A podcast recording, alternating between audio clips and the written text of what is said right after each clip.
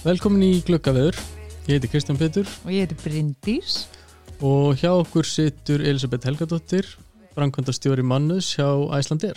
Velkomin Elisabeth. Takk fyrir.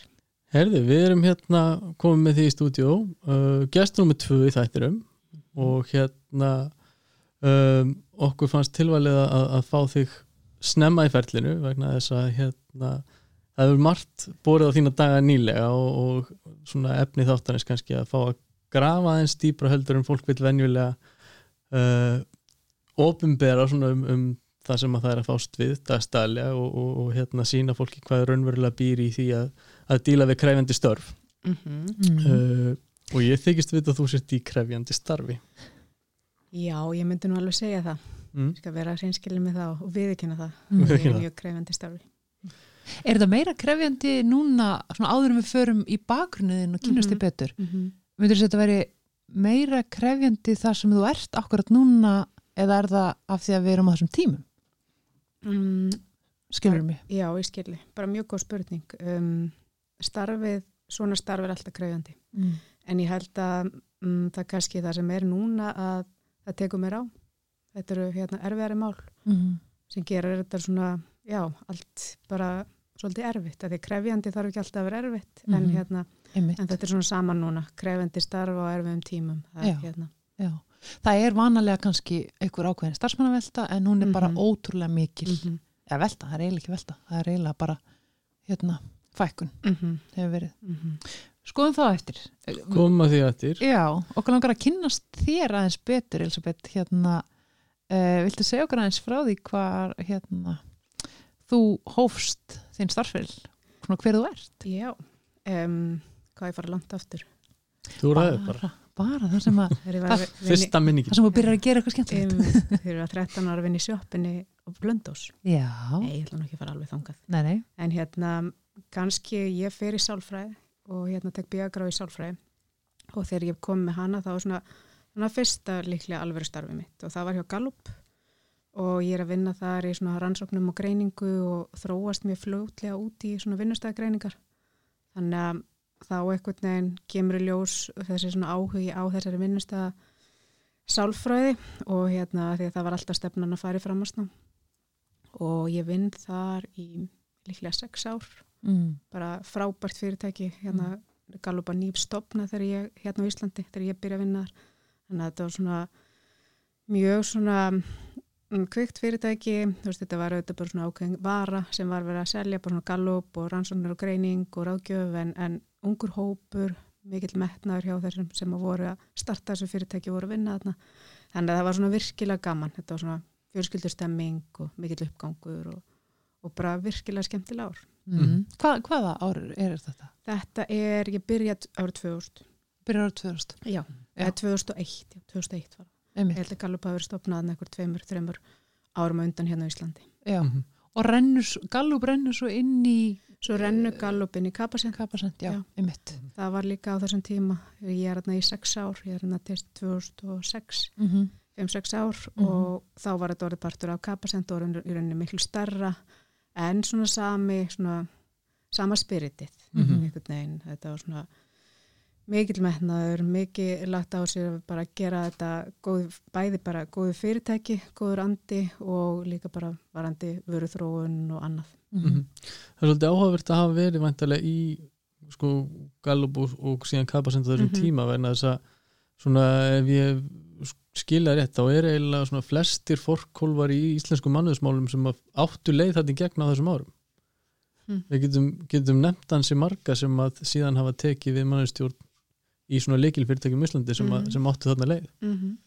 um, hvernig var svona uh, að því að þetta er bara að byrja þarna uh, svona rétt fyrir 2000 sem að þetta fyrir svona reyðast til rúms á einhverju alvöru um, fyrst sem ráðgjafa var á og síðan triklar þetta inn í fyrirtækin Mm -hmm. um, en, en hvernig upplýðið þú þetta svona verandarn á þeim tíma, hvað var að gerast hvað, hvað, hvernig þróaðist að þetta náði til stjórnenda innan fyrirtækja og, og, og var það einhvers konar alvöru fægi og, og, og ja, business á Íslandi. Þá mannus bara stjórnunin. Já, Mm, þetta er nú bara mjög góð spurning og oft er maður hugsa um þetta þá finnst manni svona í langan tíma og var kannski svolítið, þá var svolítið mannus hérna, þurftum við svolítið að berjast fyrir mannusmálunum, það var svona alltaf eitthvað svona pínu tilvistakreppa og hérna alltaf að berjast svolítið við svona þetta, þetta efnislega og fjármálinn og svona en fyrir mitt leiti þá eitthvað nefn fannst mér þetta aldrei eitthvað svona maður var aldrei eitthvað lítið lýsir eða neitt, þú veist, maður vissi alltaf að þetta skipti greiðlega miklu máli.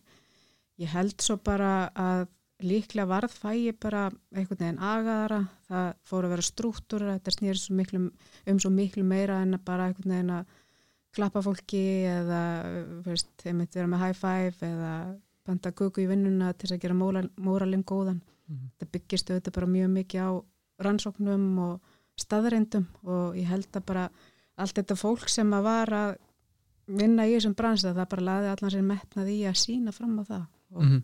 það tókst bara, hefur tekist mjög vel að, hérna, og einhvern veginn að láta verkinn svolítið tala.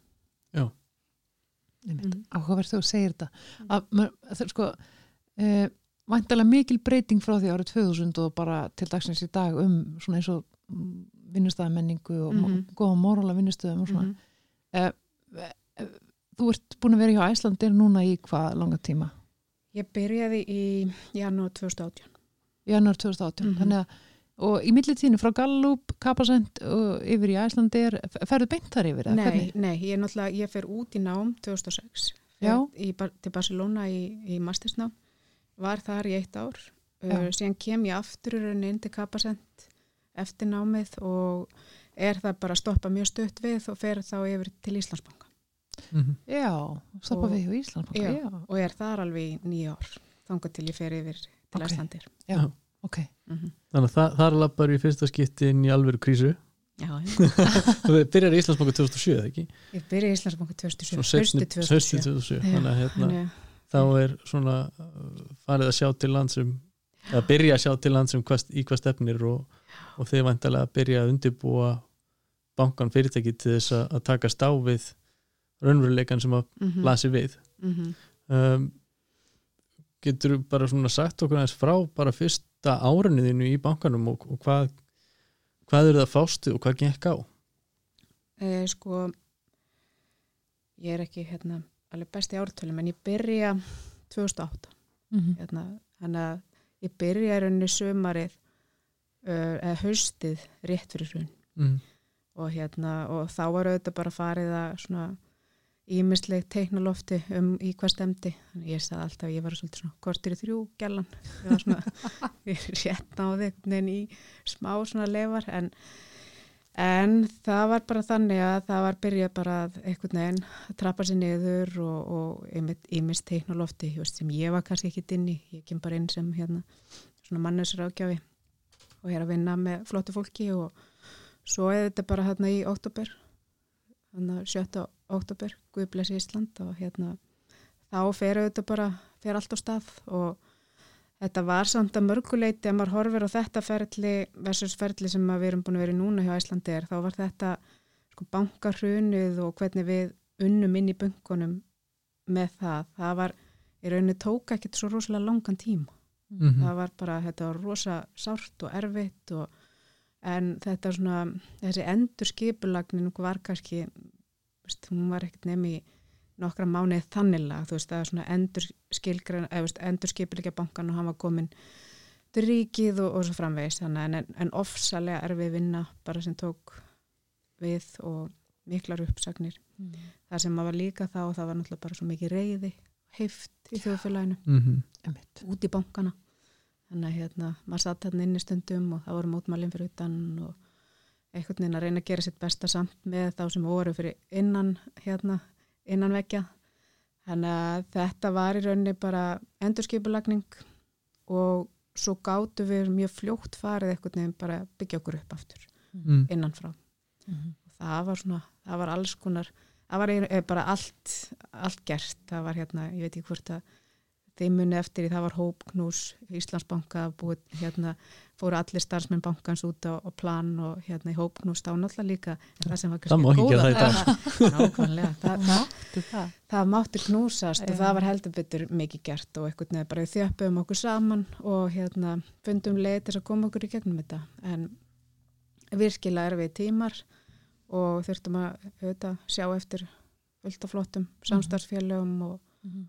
Og erfitt auðvitað bara það var hrun, efnarslegt hrun í þjóðfélaginu þannig að það var e- bara erfitt allstaðar Mhm. en við svona bara settum þá, þú veist, mannusmólin voru ofalega hjá Íslandsbanka áður en að þetta gerist og, og það verður engin breyting á því ja, eftir, eftir hrunni. Við vorum það heppin með framkvæmdastjórn að það var, var alltaf nummer 1, 2 og 3 að hugsa um fólkið og hugsa um þennan málaflokk og hérna og svo sem að teku við þá Birna Einars bankastjóri, hún auðvitað bara hún þekkir þetta út og og, vissi að þetta var það sem skipti máli Mhm. ásamt öllu hinnu og það var aldrei dreigi úr neinu hvað þetta var þar, það var aldrei hugsað bara, heyr, þetta er nú bara hérna ykkur auka kostnaður sem við erum að gera með þessu og hinnu, það var bara gefið í ef eitthvað var. Já, þannig hefur það mitt litið út svona út á við sko, Já. hún hafi bara dreigið mannes dildina mjög nærri sér Mhm, og, og haft hana þar. Mhm, og hérna, og þú er alltaf talað um þannig mhm. að því að við höfum unnið saman svo það kannski komið fram að, Mhm. að hérna, þú, þá, ef við Elisabeth gleymum okkur í einhverjum, einhverjum málum og eftir að þá hérna, dregur okkur að landi eða Mhm. það er að útskýra Ég er spennt að heyra sko ég, en hérna, en það hefur einhvern veginn alltaf, þú talað um það þannig eins og, eins og mannuður hafi bara verið bein framlegging af framkvæmstjórn og alltaf inn í öllum Mhm, málefnum mhm. og, og svona bara Mhm. alvöru business partner bara ekki spurning og þar hérna mannustjórinn Hafstid Braga var auðvitað bara einmitt partur af frangatastjórn og var hérna og það var aldrei einhver efi um að þessi málaflokku verið minna mikilvægur en annars það, Mhm. hérna, þannig að við þurftum einhvern veginn ekkert að vera berjast alltaf fyrir því, það var bara veist, þetta var bara partur af DNA bankans mm -hmm. okay. um, það er skemmtilegt en, en svona þegar þið eruð að- að fara já, jafn ykkur á því að hafa sko endurskipulat bankan Mm. uh, þeir eru þá væntalega að fara í heilmikla stefnumótin í framhaldinu Mm. Og, og leggja línutnar fyrir það hvers konar fyrirtæki nýji bankin ætlar að vera mm -hmm. um, hvernig kom mannuðsviðið að því og, og, og þú Mhm. kannski einna helst Sko mannusvið kom að því eins og fleiri deildir og þá voru þarna markasteild og, og fleiri svona stefnumótandi deildir sem fór einmitt þá í mjög skemmtilega vegferð og það er náttúrulega líka bara byrna eina sem ásöldi heruna því að það var í rauninni komið á þessum stefnu deg Íslandsbanka sem að margir þekk í dag þess að þetta þjóðfundar fyrirkomulag. Mm. og það voru bara allir starfsmenn bankars kallaði til, til þess að, að skilgreina stefnu félagsins til lengri tíma. Og það var auðvitað bara frábær vinna og, og mannusvið kom alveg mikið að, að þeirri vinnu. Þar voru valin gildi og, og hérna, félagsins og líkilverkefni til næstu mánað ára og hérna virkilega flott hérna, prógram sem var sett á stað og ég veit að þau eru ennþá með, með þetta bara sem árlegan viðburð Mm. að allir starfsmenn bankans koma að þessari vinnu. Mm. mikilvægt að fólk finni að það hafi Mhm. rödd Akkurat, inn í fyrirtækinu á svona tímum sérstaklega. á svona, já, akkurat, Það sem er mikið óöryggi og allt þetta. hvenar, hvenar heldur að það hafi verið svona fyrir bí að hérna, fólk finnur það ekki lengur eftir á svona tíma sem þú ert þarna Fyrir Þá- óöryggi. já, sér að velta fyrir mig hvað var þetta lengi, hvað var þetta langt tímabil ég, hugsa tilbaka sjálf þá mann ég það eiginlega ekki Mm. Mér langar að segja 2011-12 en ég er Mhm. ekki vissum að, að hérna, það hafi, ekki það að skipta öllu máli en ég bara velta fyrir mig hvað hva svona, bara eins og það sem við erum að gangi um núna sem er aðeins Mhm. öðru aðeins lengri Mm -hmm. og, svona ófyrir sjáanleg áhrif til lengri tíma þannig sko Mm -hmm. hvað maður getur verið lengi að jafna sig svona stort fyrirtæki Ég veit það ekki alveg. Það, það auðvitað skiptir rosalega miklu máli hvernig þú ert að hlúa að fólkinu og ég held í tilfelli Íslandsbanka að þá höfum við örgulega náða að jafna okkur hérna fyrir en mörg önnu fyrirtæki að því að við veist, gerðum þessu hátt undir höfði. mm. En ég skal ekki segja það er veist, mjög erfitt og bara einstaklingsbundi líka. Já, ekkur, akkurat, akkurat Hvernig bara, þú veist, hvernig þetta hefur lent á þér. Já, nákvæmlega, einmitt En, en þitt hlutverk innan bankars, það Mhm. þróaðist tölvört mikið þegar ekki á þessum hvað tíu árum eða ekki sem að þú Já, Var nýja þetta árum. það? Níu árum, já. mhm. Jú, Uh. þannig laga. Ég, veist, ég kem inn í auðvitað bara um það rétt fyrir hrun og þá er þetta í rauninni þá er þetta alþjóðlega, hérna, alþ- alþjóðlega banki Mm. og hérna þannig að mitt litur hvað svona meira innan fyrirtækjasviðs og alþjóðasviðsins og hérna fyrirtækjabanka og, og svona þá er þetta allt skipt niður og náttúrulega tölvörst stærra fyrirtæki. En þá var ég bara í rauninni að vinna í flestum málum og hérna ég var að vinna með manni sem er Elvar Rúnarsson sem var þá í rauninni yfir maður minn á þeim tíma og, hann, og ég var það heppin að hann einhvern veginn bara leiði mér að fara að tætast í öllu og hérna sem var útrúlega þegar maður hugsaði tilbaka bara frábært, þarna var ég bara rétt þrítug og hérna og fekk einhvern veginn bara að spreita mig á flestu og hann treysti mér og, og hérna þannig að maður svolítið bara fór í djúbilögina mm.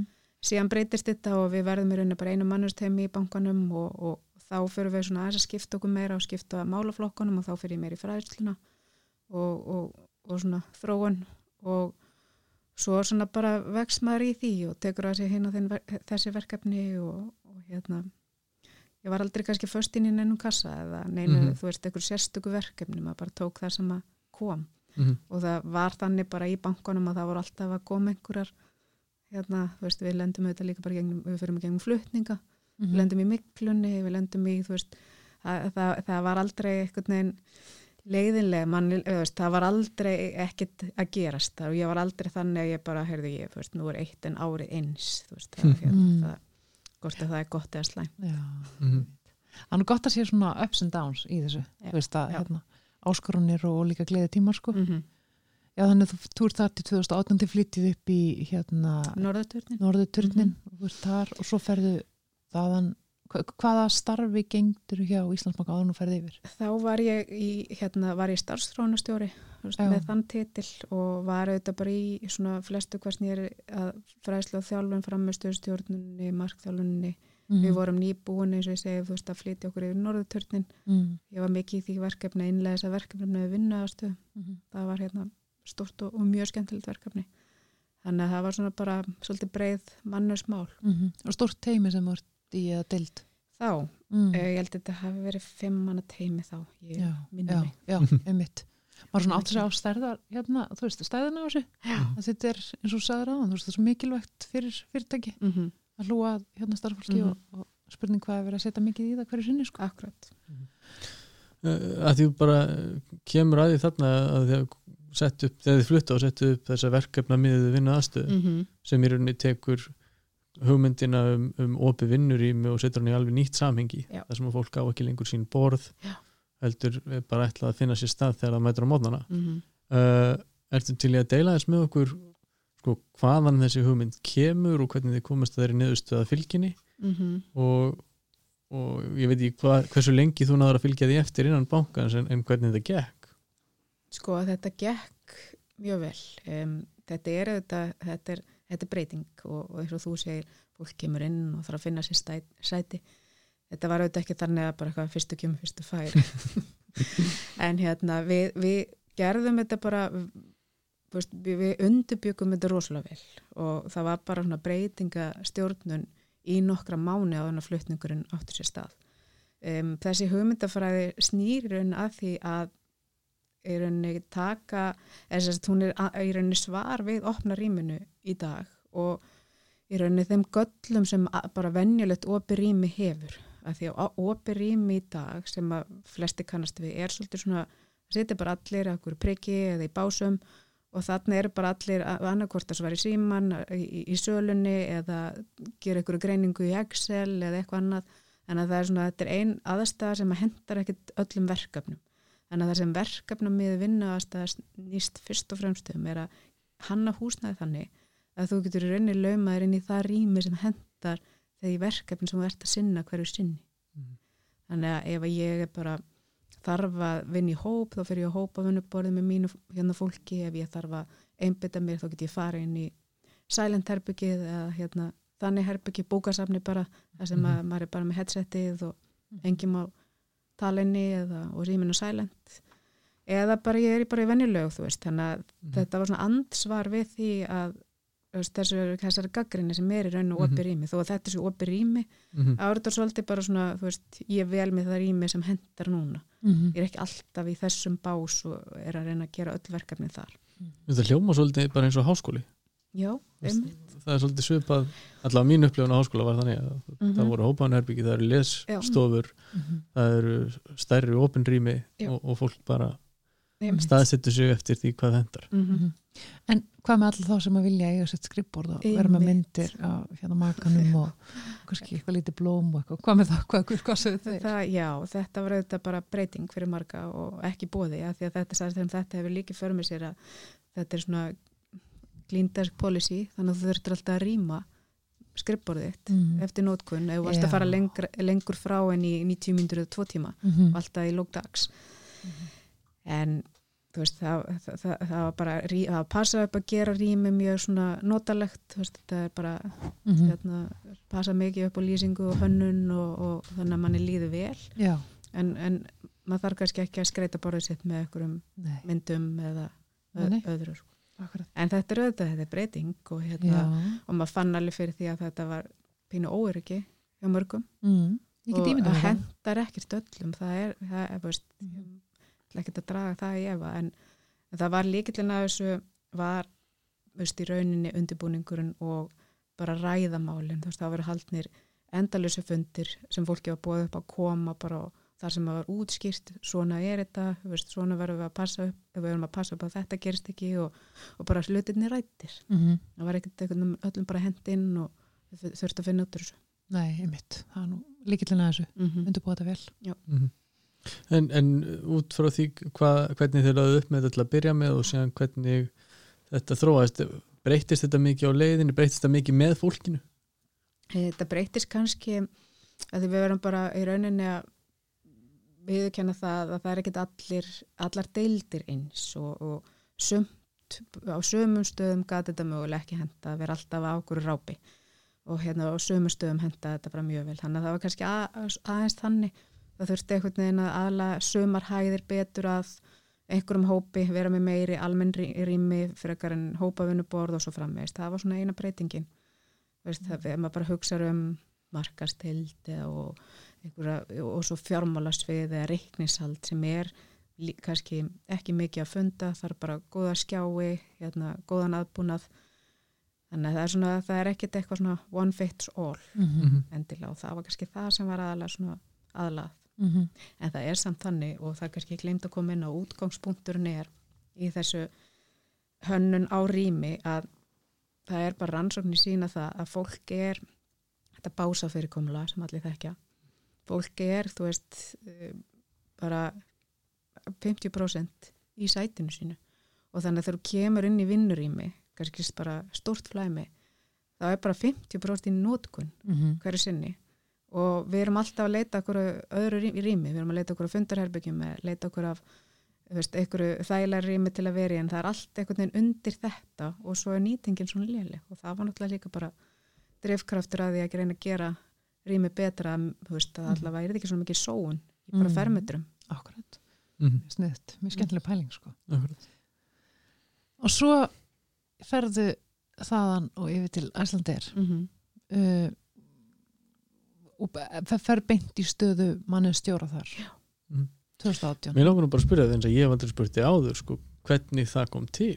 Já, en að þess að já, ég ég held að þú hefur aldrei sagt að minnst að kosti mér þá svo hvernig það Nei, bara ekki- garðið að þú, þú tek, hoppar hann inn í framkvæmdastjórn Æslandir um, ég var í rauninni bara headhunduð og mögulega ásand fleirum og fer í viðtals bara fyrir viðtöl og úr því var það að ég var áðin mm. Mhm.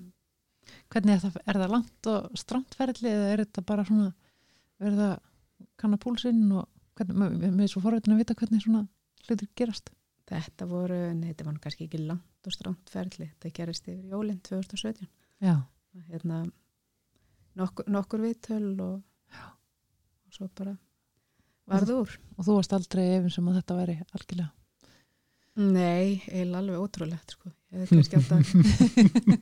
Svona eftir á að higgja nei, alls ekki hérna, Nei, nei. ég vissi þetta samt ekkit alveg hvað ég var að fara út í en hérna En það er stór vinnustæður, mjög mikið, já, mikið í gangi, Mhm. fjölbreytshópur Mhm. og, allt Akkurat. annað bransi en ég var í já, sem auðvitað er líka bara svo mikilvægt að þegar maður er í mannusmálum að, veist, maður verður einhvern veginn að kunna bransan Mhm. Mhm. þetta er ekki bara, við erum ekki bara stúsast í ykkur öðru, veist, það er líkillin að því að maður að ná, ætlar að ná árangri það að þekka, já. þekka sta- störfin og þekka bransan Mhm. Mhm. Og hvernig voru fyrstu þrjú mánuðin hjá þér, varstu uh, að láta til þín taka eða ferðu mjúk inn í hlutverkið eða hvernig, hvernig gerur þetta? Ég held ég fann nú fyrir eitthvað mjúk inn í hlutverkið. Mm. Ég var náttúrulega bara fyrstu mánuðinu voru bara reyna ná hérna, snertingu sem flestum stöðum, komin á fundi og slíkt. Þannig að það var nú bara þannig að mér Mhm. minnir, mér er svo langt síðan. að- alltaf mikið búið að gera Já, það er alltaf ákveðin þessi, þessi 90 dagar regla sem að Mhm. margir að vinna með akkurat. að brettu Mhm. bærum að láta algjörlega í sér heyra og, og finna til sín sko Já, ég minna að ég fer náttúrulega í ákveðna breytingar bara á teiminu. Þú- Um, tvöfaldar teimið basically í höfðatölu bara á fyrsta hálf árunni Mm, kannski, ekki, nei, kannski ekki tvöfalda við erum náttúrulega breyttum öllum struktúrnum Já. og ég reyði líklega þú veist já við bættum við kannski svona 2-3 stöðugildum. Mm. en við breyttum svolítið áherslunum bara líka. Fórum að vinna all þetta saman. Um, þetta var þegar ég kem inn þá er Æslandir grúp meira skipt en það er í dag. Uh, þá er ég að meina svona samstæðan dóttufélagin voru meira sér en er í dag. Og mannesmálin voru dreifðari.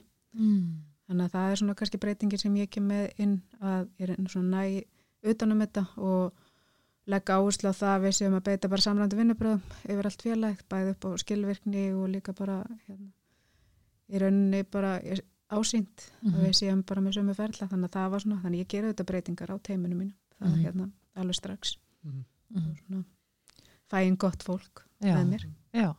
Var, var það eitthvað sem þú þurftir að hafa fyrir því að selja þegar þú ert að koma inn í starfið að þú viljir hafa hlutunum svona og hvað svona valdiru þessa leið að samþætta þetta svona mikið. Hvað, hvaða vision er þetta að executa svo má segja Þannig er, ég líklega bara að, að koma inn úr ákveðnu umhverfi og hérna ekki það að ég hafi ekki verið þú veist gaggrinn á það að það hafi ekki verið allt hérna endilega fullkomi í Íslandsbanka þá er ég samt að taka með mér það sem ég veit að hefur reynst vel þar. Og það var svona hérna það sem að var í rauninni dreif mig áfram í að gera þessa breytingar og hérna og maður kemur um þetta inn líka í Æslandir og það er hérna mjög margt velgerst og, og flott heimi og, og sem er enn í dag hjá mér og, og byggði bara á þeim grunni og, og gerði svona það sem ég taldi að væri vænlegt til árangus og hafi sínt það einmitt eins og hjá Íslandsbanka. Mm. mm. einmitt Þetta, þessi tími þarna í rauninni akkurat þegar þú stígur inn í hlutverkið Mm. er í rauninni sami tími og, ímislegt gerist bara í rekstri félagsins þannig að, úrverður sko uh, að, að það hefst svona ákveðið svona uh, samdráttar að erfileika tímabil Mm -hmm. og, og vegna þess að ég var þarna með þér í þessu Mhm. uh, mjög fljótlega eftir að þú hóstur og þá, þá kom ég þarna inn í hópin og, og við vorum í rauninni hvað statt og stöðut í eitt og hálft ár bara að gera skipilarsbreytingar Mhm. og, og svona hvað segja, svona organizational development á, á kjarnafélagsins um, uh, þú hefur náttúrulega kannski haft bet, bara svona heildstæðir einsinn í það heldur en, en flestir. Uh, ertu til að deila þess með okkur bara svona hvað var að eiga sér stað og hvers vegna þurfti að gera svona mikla breytingar á félaginu? Sko, mm, breytingar hjá félaginu byrju, svona stóra breytingar byrjuði 2017 mm -hmm. og, hérna, og heldur svo aðeins áfram og svo þetta koma í mis ytri áhrif líka inn til okkar en, en margt var að gerast eh, eitthvað sem að breytingar sem hefur verið innleitar sem voru kannski ekki alveg nægilega vel undirbúnar þannig að það þurft að vinda ofan að þeim og, og hugsa hlutin aftur. Þannig ég, ég veit ekki alveg hvað, hvað skal segja þú veist, það bæði höfu þurft að breytast bara vegna ytri aðstanna og svo einni líka bara í rauninni að bara finna afturtaktin og, og, og það þessi breytingar sem hafa verið núna undarfæri eru auðvitað bara að forfa meira bara á kjarnastarfsemi félagsins Mm -hmm. og það er flugrekstur og flesta breytingarnar hafa snúist um það Mhm. að, að, að gera skipilags heldina þannig að hún virki kringum flugreksturinn hótelsalan til dæmis og, og dóttufélagin sem er komin nær nær hérna Æsland eru núna en ég held þetta sé bara veist, jú, jú, það voru, eru búin að vera mikla breytingar, mannabreitingar og, og þetta eru þetta rúmlega 80-83 ára gamalt félag. Um, flugræksturinn er að breytast líka svo kemur COVID onni núna og þetta er bara, þetta er líflegu bransi og ég held að veist, þó að sé búin að, eins og ég segi, vera mikla breytingar núna, þá hefur það verið í gegnum tíðina þó að það verið kannski eitthvað stöðuleiki þarna í einhver átta ár áður en að við siglum inn í 2017 og fyrir það voru líka breytingar þannig að þetta líka kemur í svona hrinum sko. mm. Já, ykkur um svona bylgjum Já. einmitt. Hvað er þetta búið að vera langt tímabili núna eh, eins og hjá þér þú veist, það sem þú ert bara í stöðugum, stöðugum eh, hvað segir maður, hérna breytingum sem að bara verða stað Já, þetta er búið að vera þetta er búið að vera alveg tvö ár þú veist, sömari 2018 þá byrjar þetta svolítið, þá kemur þetta þá hættir hérna Bubbi sem Mhm. fórstjóri þá tökum við ákveð tímabil og svo kemur bóginn og það hennar, veist, það er bara búið að ganga mikið á allan Mm. hennar tíma, mm -hmm. mjög mikið þó sé þess að kannski, það er kannski ekki alveg rétt það er ekkert búið að hrista upp í skipulæginu þú veist, mörgum sinnum þó mann er kannski líðið þannig en það er svona, það er búið að vera ímislegt svona Mm -hmm. sem við gengi á við Ok. vorum bara í fyrra í rauninni svona komin í gegnum hérna breytingafasa og þ- vorum svona bara að fara að slá í klárin og um áramót og, og það bara var alltaf að fara að ganga mjög vel og ok, svo kemur þetta bara heimsfaraldur sem Já. við ráðum ekkert við og hérna, Nei. við erum búin að vera í, í þessum rússipana og sér ekki fyrir endan á kannski ennþá, af því að það er Nei. bara við vitum ekki ennþá hvað hva verður Nei, nei, ég meina, ef maður er eitthvað búin að læra á þessu það, það er bara, maður veit ekki neitt og, og verður bara eitthvað neginn að, að gera best úr hlutunum Já. Mhm. Já, ef ég mann rétt að þá var svona kennisetningin í janúar á öllum glærum Return to Profitability Já, Íslandir, já Í já. janúar Já. 2020 Já. Mhm. og hérna Já. fólki leitt aldrei mikið örjus í mars já. einmitt þannig að hérna já, það er bara hérna í byrjun manns í rauninni sem flugsamgöngu svona virkilega að fara að raskast já. um, Akkurat. Það var hérna í lók februar, þá var hérna satt maður svona endalisa krísifundi bæði með eldgós og mögulegt COVID. mm Það byrjaði þannig manni. Það var svona, mm, ætla að koma eldgós eða verður þetta hérna farsótt, hvort verður, þannig að- -hmm. og hvernig er bara svona, mér langar aðeins að skiknast inn í bara þitt líf á þessum tíma þú veist, Mm. ert þú bara upp frá alltaf eða hvernig er vinnudagurinn þinn, hvernig er lífið þetta á þessum tíma Á þessum tíma. já, Um, það, það var bara hérna, 24-7 vinna. já, Það var bara þannig.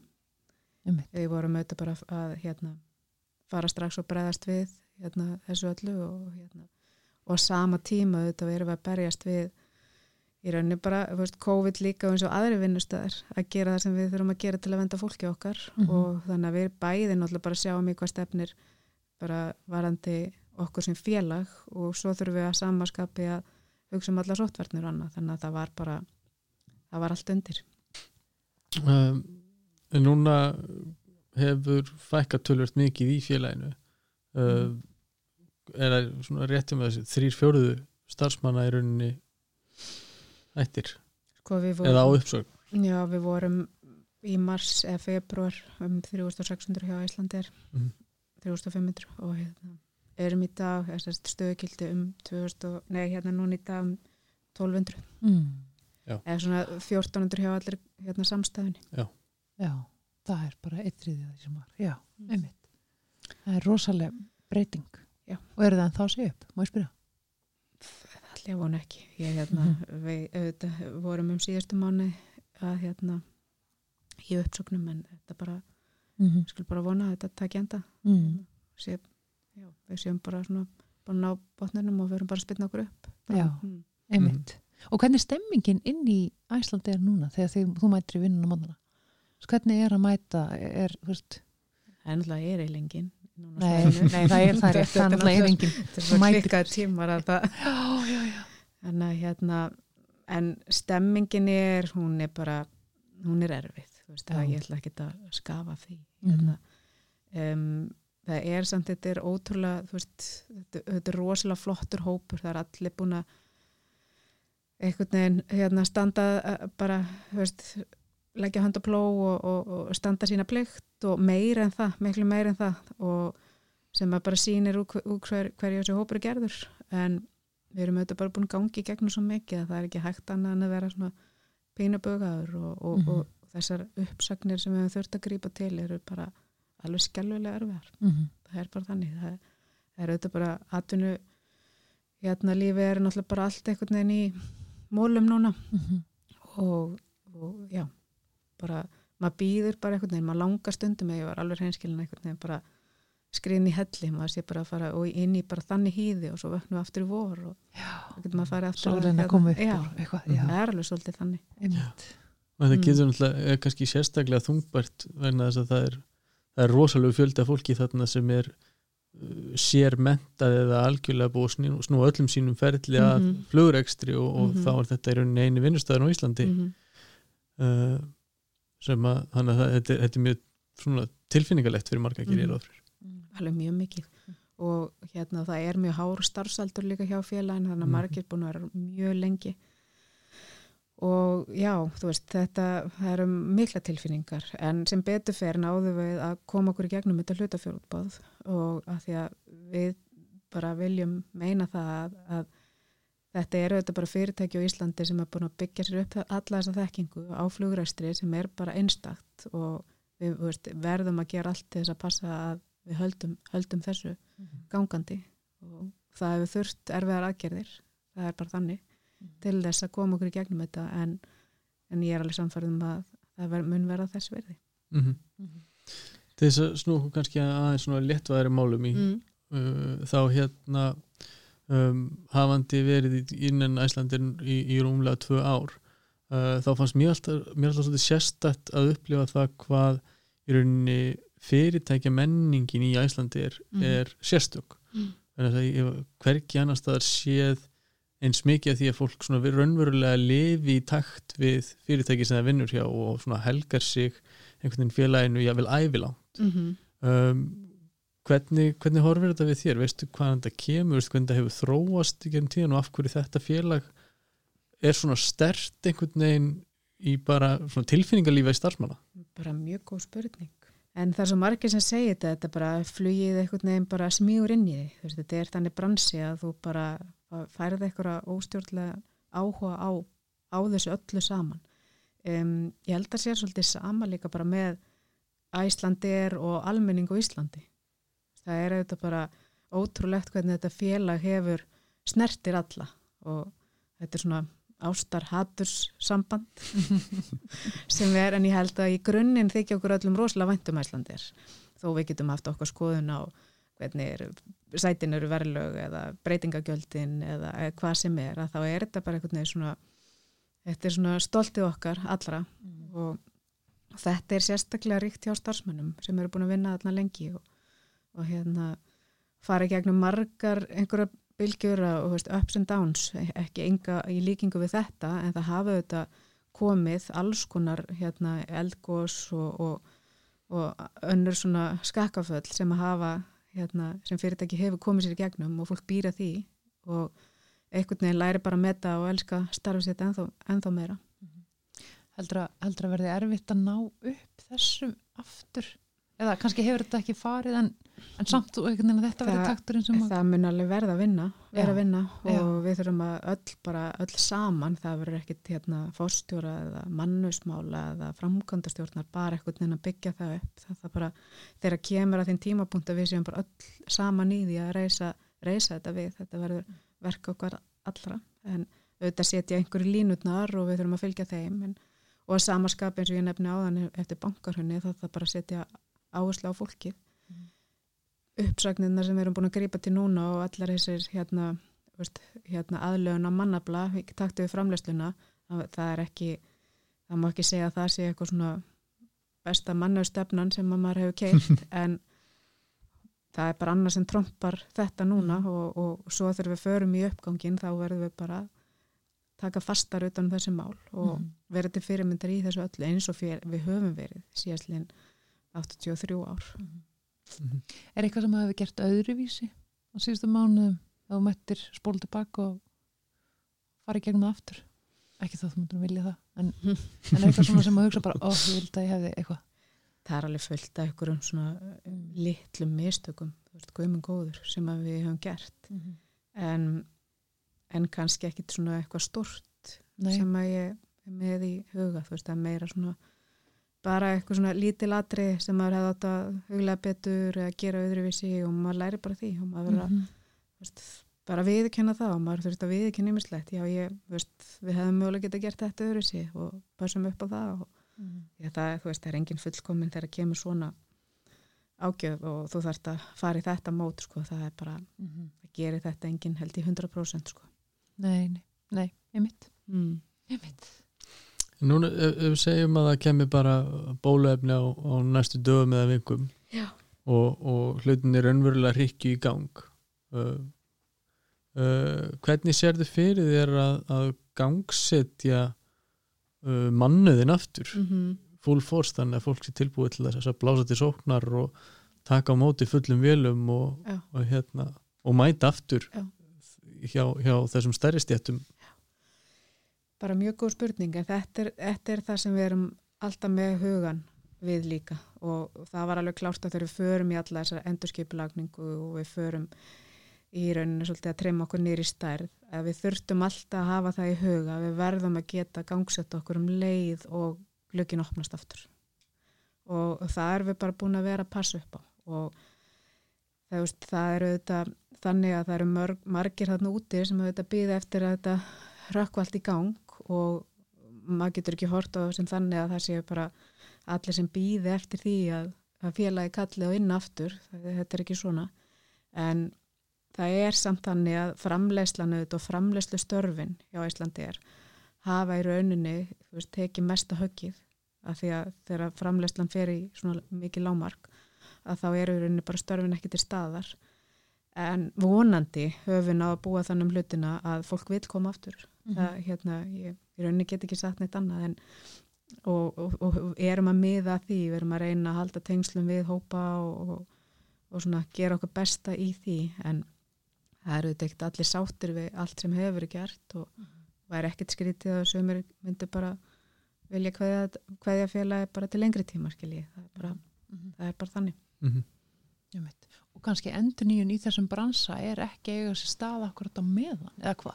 Ef, að, ef að þetta, er, þetta er svo sérmentaður hópur eins og varst að tala um áðan og væntanlega ekki mikil endur nýjun eiga sér stað þar að segja fólk að koma námi eða þú veist hvernig er staðan í, í þar hvaða hóp ertu þá? þá er ég bara að tala um flugmenn já, flugfreyjur Mm. allar sem tengjast bara uh, þeim, þeim hluta Sko flugmenn eru um, með, þeir vinna út frá starfsaldurslistum þannig að hérna og það er alveg, alveg bara klárt hverjir eru næstir inn mm. eru þeir, það er að segja eru þeir tilbúinir í það Mm -hmm. þannig að það er bara mjög svona automatist það er bara fara niður listan Mm. e, það er í það sama svolítið hjá flugvirkjum og hérna uh, einhver leitir horti starfsaldurs líka eða svona það er horti starfsaldurs og framistu hjá flugfröðum þannig að svona með þessar flugstjættir þá eru starfsaldurs hérna listarnir svolítið sterkir. Mm, Og ok, hérna, já. Já, bara skrifa þér í kjærasamninga Já.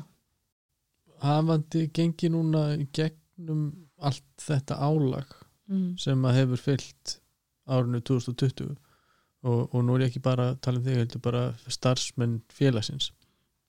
Um, hvert hefur verið svona hlutverk ykkar á mannesviði í því að, að passa upp á fólk og fylgja því eftir í gegnum álægið og, og ég vil bjóða upp á einhver úrræði fyrir þá sem, að, sem er að dansa á línunu við það að kera sig út? Mm Mm, sko við höfum, við höfum bæði reynd að sína stuðning við það fólk sem hefur þurft að kveðja okkur með því bara að bjóða upp ákveðin, ákveðin hérna, rákjöf og slikt og þá er það bara í hvers manns, eða hvers manns val hvort að vilja þykja það. Það fyrir ekki tannilega gegnum okkur.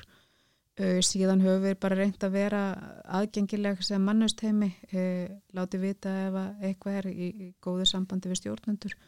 Það er eða svolítið okkar í svona stóru fyrirtæki að hlúa stjórnandum síðan síðan hugsa um hérna, sína hópa. Þannig svona horfum við á mannus hérna, stýringuna því að þetta er auðvitað það þó við séum 14. stöðigild í dag þá er þetta stórt fyrirtæki og, og, og mannusmálum að verða svolítið að horfa á þau þannig því að við náum ekki utanum alla, mm -hmm. alla 1400 eða, eða hvað það er. Mm -hmm. En vantarlega auðvelt að verða doldi bugaður á svona tímum og þú veist Já. að, að hérna ná að já, halda öllum gangandi. Já, en það er alveg magna samt hvað, þú veist, fólk er einhvern veginn þrautsitt, það er bara, Mhm. seglan er svakaleg og það var bara, ég var á fundi í dag það sem að einn samstars, samstarfskona mín var að mitt að ræða bara, það er eiginlega ótrúlegt, þú veist, hvað fólk næri að halda sönsum. Mm. Því sérstaklega eins og í Æslandi er of bara fleiri, fleiri félögum núna, ferðarþjónustum sérstaklega, Mhm. þá er ekki bara verið að kljást við COVID ástandið, heldur líka bara fyrirtæki, mann segir svona, þú veist, það var alveg tvísýnt, þú veist, bæði er ég að halda vinnunni, þú veist sjálf, er, er félagi bara að fara, eða hvernig er þetta, þannig að þetta er svo ótrúlega kvíðvanlegar aðstæður sem þú byrði við. Mhm. og samanskapið passaði að fá ekki eh, hérna, COVID og mátt ekki gera neitt, þú veist, þú mátt ekki knúsa fjölskylduna eða hérna, svona st- stórfjölskylduna eða vini eða gera það sem að, þú veist, gefur þér svona einhverja næringu, þú veist, það er svolítið búið að taka allt, þannig að maður þarf að finna upp á nýju svona, knúsa ekstra mikið bara sína nánustu og finna eitthvað annað, þannig að þetta er þetta bara, þetta er hellingsálag á, Já, á fólk, sko. Ég trúi því maður. en einhvern veginn bara komast allir í gegnum þetta Já. einhvern veginn og En þá kannski aðeins svona nærtækara spurningin um, um sama efni og snýr þá bara að þér og bæði mannusteiminun ekki síður kannski stjórnendateiminu mm um, hafið þið beitt einhverju svona einhverjum tólum sjálf til þess að passa upp á hvort annað og passa upp á okkur sjálf einhverju markvissu Nei, ekki markvissu. Við hefum bara gert það í svona samtali og, og, og bara verið vakandi fyrir hérna hverju öðru. Það er svona einhvern veginn, maður er náttúrulega bara, ég ætla ekki að segja stöðraninn fyrir mig til þessu. Ég er auðvitað bara eins og aðrir fagaðilar, er ekkert að því sem ég segi öðrum að gera. Svolítið þannig. En, en, en, en við erum bara, þú veist, vakandi hérna, fyrir ákveðnum svona signalum hjá hérna, hverju öðru og, og auðvitað okkur sjálfum, þú veist, maður finnur, maður finnur hvernig maður er komin að okkur þólmörkum Mhm. og ræðum það opinskátt og það er alltaf, þú veist, það hefur einkent þessa, þessa vegferða við erum alltaf búin að vera svona í bara góði jafnvæg Mhm. og ég held að það sé líka bara svolítið að við erum að þannig fórstjóra hérna Bóganil sem að hérna hann alltaf bara það rosalega mikið til að koma honum í jafnvæg, ég held ég að ég hef bara aldrei séð það Mm. og það skiptir rosalega miklu máli og þú sérst ekki með eitthvað í brunni sem er bara taka hárblósan eða eitthvað tögaveiklum kost og eitthvað svona, það er aldrei þannig og þá bara verða allir rólegir og, og hérna gera sitt besta. Já, Það er bara alveg magna hvað hann hefur staðið vaktina vel sko og eitthvað neginn bugast ekkert, það sér ekki á honum og hann fyrir hvert vittalega og fætur öðru og erfiða verkefni sem hann tekur á sig en eitthvað neginn bara mm. búlar þetta bara mjög vel. akkurat, það er hérna svolítið það sem að maður finnur Mm. hérna, já, og bara hefur, svona rólega áhrif alla. setja góðan tón Já. Einmitt. Mhm. Mhm. Sko ég, ég man eftir þegar þetta byrjar allt að hérna, ég man ekki Kristján hvort að við rættum það eitthvað en ég þá vorum við mörg og vorum bara að spjalla saman og þá vorum við einhvern veginn bara svona öll sammála um það að nú væri bara að vera að tuska okkur aðeins til og hérna við værum bara farin að veist, við værum á hröð og við værum bara komin út í eitthvað rugg bara hérna rétt, við sem bara e- ekki við, bara sem manneskjur mm Mhm. bara nistlan og Mhm. ferðarlögin og kyrslan á okkur og þú veist við bara það var eitthvað bara við aðeins að vera að tósi í okkur Mhm. og ég held að það sé eitthvað svona sem að e, við hefum eftir að njóta góðs og það er búið að tósa okkur aðeins niður þetta, veist, þetta ástand á eftir að kenna okkur rosalega margt Mhm. og hérna og við vorum kannski farin að hlaupa eins og hratt og við vorum farin að um, sleppa því hugsa um hluti sem að hérna, við eigum að vera að gera þannig að ég, þú veist, hvað var, var það bara svona almennt held ég að þetta eigi eftir að kenna okkur alveg greiðlega margt Mhm. um, hvað var það vinnustæðin þá eru við þetta búin að vera að taka upp nýjar venjur og gera hlutinu öðru sig en við vorum að gera og það er sérstaklega á við kannski fjárvinnuna Mhm. það sem að hérna, við sem höfum verið í því núna það eru þetta ekkit allir að því að þeir sem er að sinna þjónustustörunum eins og bara í vilunum eða í Keflavík eða, eða sjáum að rífa niður vélarnar okkar eða laga þær eh, það þeir, þeir eru eða þau eru ennþá í sínu störfum með við hinn skrifstofu svona fólkið Mhm. hefum þurft að venjast svolítið breyttum hérna vinnuaðferðum og fjárvinnan er frábær og við erum ótrúlega góð í tímsfundunum og orðin rosalega skilvirk og mörgu leiti er þetta bara oft miklu skilvirkara Mhm. en ég held samt sko bara guðminn góðu við erum aldrei að fara að vera bara í fjárvinnu sko það er bara, ef það er eitthvað sem að maður er búin að heyra núna og finnur eigin skinni að það veist, við bara, við þurfum hérna félagskapin, flest Mhm. okkar Já. og ekki bara félagskapin, svo eru líka bara margir sem eru svona að vandraðist með það að þeirra skilin millir vinn og engalífs verða meira blurri þegar við erum svona mikið heima að þá lendir maður líka bara oft í meira ójabæi mm. þannig að við eigum eftir að vera held ég góð í þessu en við eigum eftir að nýta þetta þegar við þurfum að nýta þetta og hver og einn og eftir að kannski að svona búa sér til sinn eigin takt. Ég er alltaf þannig að það er einhvern veginn ekki hægt að finna ykkur lust sem hendar öllum. Mm. og fja- fjárvinna, ég á til dæmis eina systur sem er búin að vinna mikið heima. Núna, og hún er að vinna í banka. Og henni finnst það geggjað hún, bara, hún finnur sinn takt í þessu bara finnst hún afkasta miklu meira hún gerir jóka í hátteginu og, og bara, bara miklu betra. Hún má kannski vera þannig að hún vil halda þessu áfram og, og, og það er kannski búið að kenna hennar stjórnanda félagi að þetta er alveg hægt. Mm. Þú veist, þá fær hún ekki kannski bara nei, heyrðu, það er ekki hægt að vinna bara heima þú veist, eins og var svolítið fyrir hérna, þannig að við bæði munum finna það að þetta er hægt að einhver leiti og svo að hver og einn getur svolítið svona fundið sér sinn takt í þessu, ég ætla að vera heima eitt dag í viku af því að það er bara, þá ætla ég að sökka mér onni eitthvað eða lámarka fundi eða annað slíkt ég held að verða miklu meira svein Mhm. Já. þessu umræða hefur orðið svolítið svona undarleg í gegnum árið einhvern veginn byrjaði þannig að enginn vissi hvernig hann átti að díla við þetta -hmm. svo var fólk, eða svona umræðan fara að snúast svolítið um það að nú bara myndu borgir leysast upp og fyrirtæki hætti að eiga húsnæði og, og lega húsnæði og ég veist, við erum ítla rétt á honum við sem ekki fara þangað Mhm. en þess að hvað er þá markmiðið eftir sko ef að það er engin félagsli heild einmitt. eftir, Mm -hmm. mjög, mér þætti það allavega frekar svona Mm mikil eftir sjá í því að, að fólk vinni saman -hmm. fysiskt líka sko einmitt, við einmitt.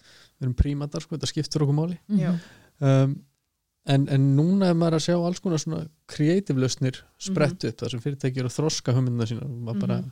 að heyra til dæmis af einu íslensku fyrirtæki sem eru að undirbúa það að bjóða starfsmönnum upp á samninga þar sem að, að 40% af vinni Mm og skuldbynduði til að vinna heima 40% af tímanum -hmm. Mm -hmm. og þá eru þau bara að horfa til þess að minka kólunisfótspori sitt vegna umferðar Mhm. og þar fram eftir göttum sko. Þannig að það er, það er ímyndilegt frjótt í gangi Það er skemmtilegt. sem snýr að þessu Já. Einmitt. Skemmtilega bælingar. Og það sem ég finnst kannski líka svolítið skemmtilegt núna er að núna eru allir allir þeir sem voru svona skeftiskir á heimavinnuna skiljið svolítið svona gamli stjórnendastýlin Mm -hmm. bara ef að jakkin er ekki á stólnum þá ertu líklega ekki að gera netta viti. Þetta bara, þú ert bara að þurfa að komast yfir þetta Já. ef þú ert að stýra teimi og þú ert með, þar út, með teimi út um alla trissur Já. og þú sérð bara, þú veist, það bara er gangur í þessu ef að þú heldur Já. rétt á spilanum og ert að Einmitt. halda takti í teiminu og með velskilgrind verkefni og svo framvegist. mm Og ert að segja okkur átbút. Algjörlega. Já, ég held að það ver- leynist sko frábært tækifæri í þessu í því að gera bara framistuðustjórnun betri Mm. þess að það ver, það, þú getur eiginlega ekki falið því lengur þú, get, að þú getur verið alltaf með stólin, stólin sko, og jakka á honum og alltaf, það er alltaf heitt í bollanum hjá þér og, og, og, og hérna í öllum sam, ræðum en, en þú gerir kannski ekkit mikið sko, og Akkurat. við möllunum með þessum einstaklingi uh, en hann virkar duglegur sko. Já. og hérna en, og ef þú vinnur heima þeir einn og einn dag þá kemst það eflust upp með það að bara horfa á Netflix Akkurat. en ef þú vinnur heima þeir mikið Mm þá kemur hann sér fljótt í ljósi að það er ekkit átbút Ég veit það. Og þetta er kannski ef ég fer aftur í þar sem ég rætti hérna, áðan með verkefnum með vinnuðarstöðu. Mm -hmm. Að þetta var svona pínu áskorun þegar þetta var innlegt í Íslandsbanka. Að stjórnundur svona bara eitthvað, mm, heyrðu, ég veit ekki hvar mínir allir munu sitja, skilji. það var alveg, veist, það, það var alveg svolítið þetta og Mm. Já. hérna, ég er ekki með alla hérna í Já. kringum mig og Ekki get yfirsýn. Já. Þú veist, það, það var svona eitthvað sem við þurftum að yfirstíða þar og nú erum við komin með þess að ennþá lengra og þetta er bara svo frábær lærdómur að stjórnendur ná að tilenga sér aðra taktík Mhm. í stjórnun Mhm. og fylgjast meira með átbúti heldur en viðveru það, Mhm. þetta bara, það er frábært Það er Mhm. frábært. mm -hmm. Mm Endanum það sem skilar hérna, Akkurat, fyrirtækin eitthvað, sko. Já. Já. Skemmtilegt. Ég held að hún fara bara út á, á hála nýs með þetta ég held að þetta sé lýsi á hvernig minnumáttakend stjórnunda sko. þeir veit ekki hvað þeir eiga af sér að gera mm. Þeir get ekki verið að- að horfa yfir öxlin á fólki þetta er bara gamli stílinn sem að já. þú veist, er bara, hann er útleið og þú veist, þetta bara að fá allt aðra kynslu inn líka núna sem að þú veist, bara þrýfst ekkert í svoleiðis umhverfi. Þurftu það að setja uh, svona effort eða pening í að, að þú veist, koma upp remote aðstöðu hjá fólki? Eða var þetta bara, var þetta til staðar bara spurningum öðru sér vinnulag? Já, sko við í rauninni höfum bara bóðið upp á það ef að fólk er mikið að vinna heima sem flestir eru núna að ef það vil fá fleiri skjái að Mhm. þá er það bara, þú veist, hérna Mm -hmm. þá gerum við það og fólk hefur verið að taka stólinn heim og svo framvegist þannig að bara reynd að gera það besta Já. úr aðstöðanum. Já, akkurat, Mhm. einmitt. Allir konum með vinnust aðstöðu heima hjá sér. Já, já, svo er bara, þú veist, líka fínt að setja upp í sofa með lappan Já. og svona það, það má maður breyta bara um stellingar. Já, akkurat, það er bara frábært. Já, það er einmitt eitthvað sem ég er oft, sko, ég hef upplegað sjálfur á því að vinna heima er að ég þarf bara minni tíma til þess að sinna sömu verkefnum Mhm. uh, en það til, á meðan ég var að venjast í þá bjóða til svona mjög undarlega tilfinningu hjá mér, mér fannst ég skulda Já, ég var, ég var búinn að því Mhm. sem ég ætlaði að gera í dag Mhm. en það tók minni tíma að að það rápaði enginn inn í rýmið mitt Akkurat. ég stoppaði ekki í kortir við kaffivilna mm. Mhm. uh, ílendist ekki einhverju ótrúlega skemmtilegu spjalli í, Mhm. í, í mötunetinu Mm. þannig að það, það er líka ótrúlega mikil tími á vinnustæðanum sem fer uh, í eitthvað annað en verkefnin Mhm. og oft leysast verkefnin svo sem líka Mhm. í því, þeirri dýnamík þetta er, þetta er, þetta sé mikilvægt Já, en uh, eitt af því sem ég held að þurfa að fylgja þessari umræðu sem við erum í er að sko uh, það hvernig við skilgreinum vinnu tíma Mhm. þar kannski sko koma til endurskoðuna líka. Mhm.